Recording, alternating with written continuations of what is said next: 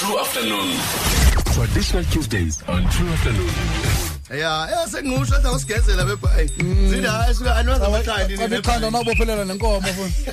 Liyawa. limisa ipali Namakhandi. zamacimbi nithi likhaya niqoma impahla lapha kuleyo kwelipheli bawutyatyeka Nkosi yami masuka ngexhego lami ninjani namhlanje ndikhona mani njani kuhle nakuthi sivukile man eh uyabona ukuthi Ubujaha.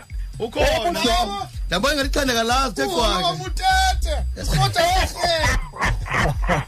Ana mama na tata nthatha. Awu, Ijoko umntalisayo bawutyatyeka Nkosi yami. mayesithethe ngekhandi namhlanje abakwe true afternoon eh ndithi pha kulenda suka kuyo kula dolophu yethu ebhayi kudla ngogezelwayo kuthiwa hayi suka anilazi ikhandi ebhayi eh ibhaso zokwenza washing nithi likhandi nina into le kuthiwa likhandi kanti bawutyatyeka funeka ube njani ikhandi inkangeleko yalo eh ixhanti okokuqala xa umfana eh ethe waluka Mm. wathatha umfazi usahlala kowabo. Then xa kufuneka ephumile ke ngoku aphume ozimela owakhe umzi.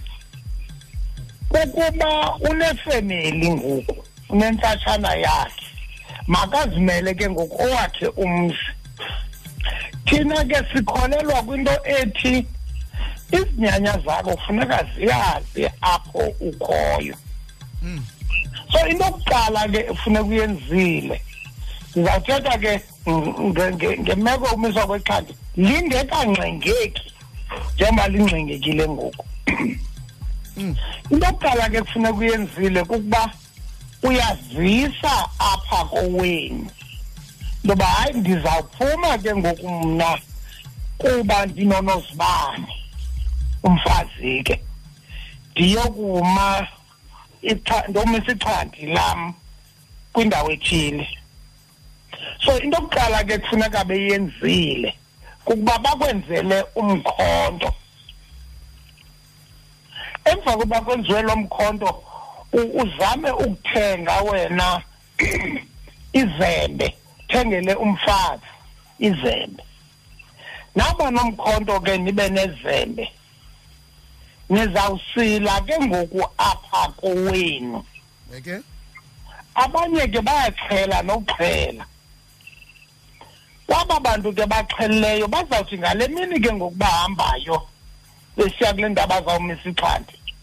Bemke nomlenze wasekunene kunye nentloko kuyophekwa kulaa ndawo intsha. Phaa ke ngoku kulaa kulaa ndawo intsha bazawufika khona basile. Anikezelwe ke ngoku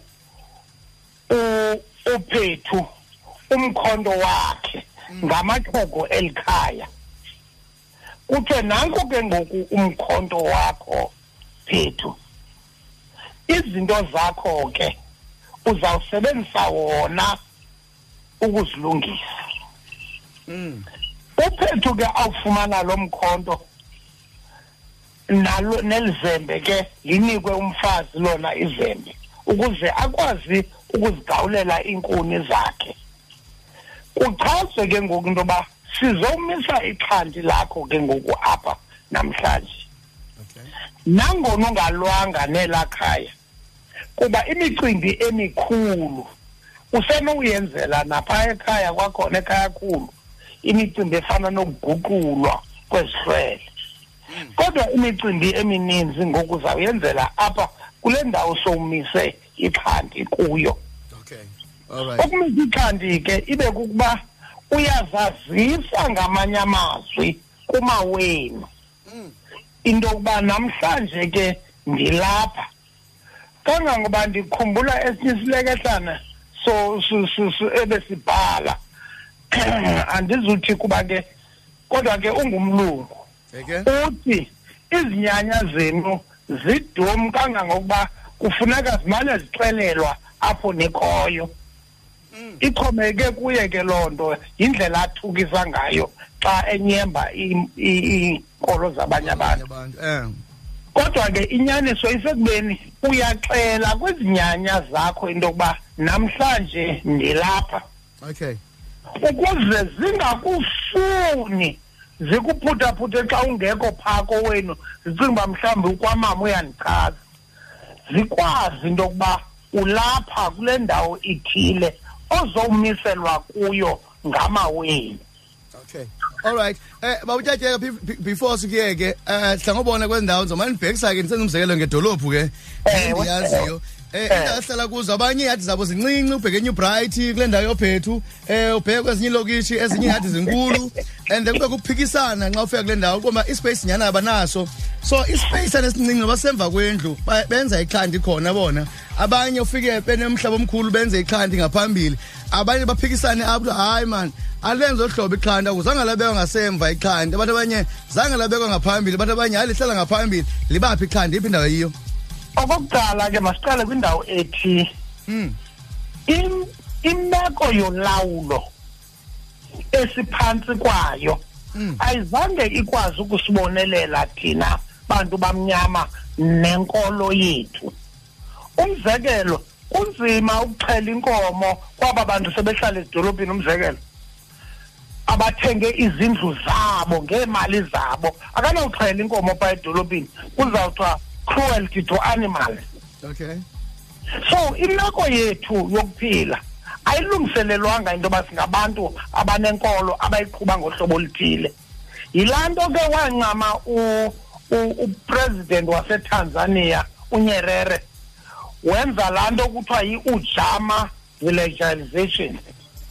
Apho kufuneka umntu xa umnika inxiwa okanye xa umnika isayithi mayibe isayithi enokwazi uba negadi ebenokwazi uba nothango. Okay. Ukuze ezinto zenkunzi mhla ke zinga zingabiyo ngxaki so ke bawutyatyeka ngelilonke ayinangxaki into yoba noba ingasemva noba ingaphambili ndiza kuloo nto ke ndiza kuloo nto.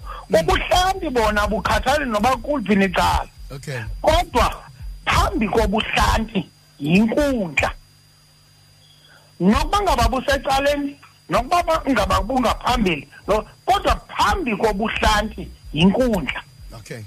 Eyi. All right. Hayi ceko lam masibulele bawutyatyeka baza kwandula ke ngoku lux eh intoba uqale ke ngoku imisebenzi yelo khaya ngokuba uthi nditshayela inkundla.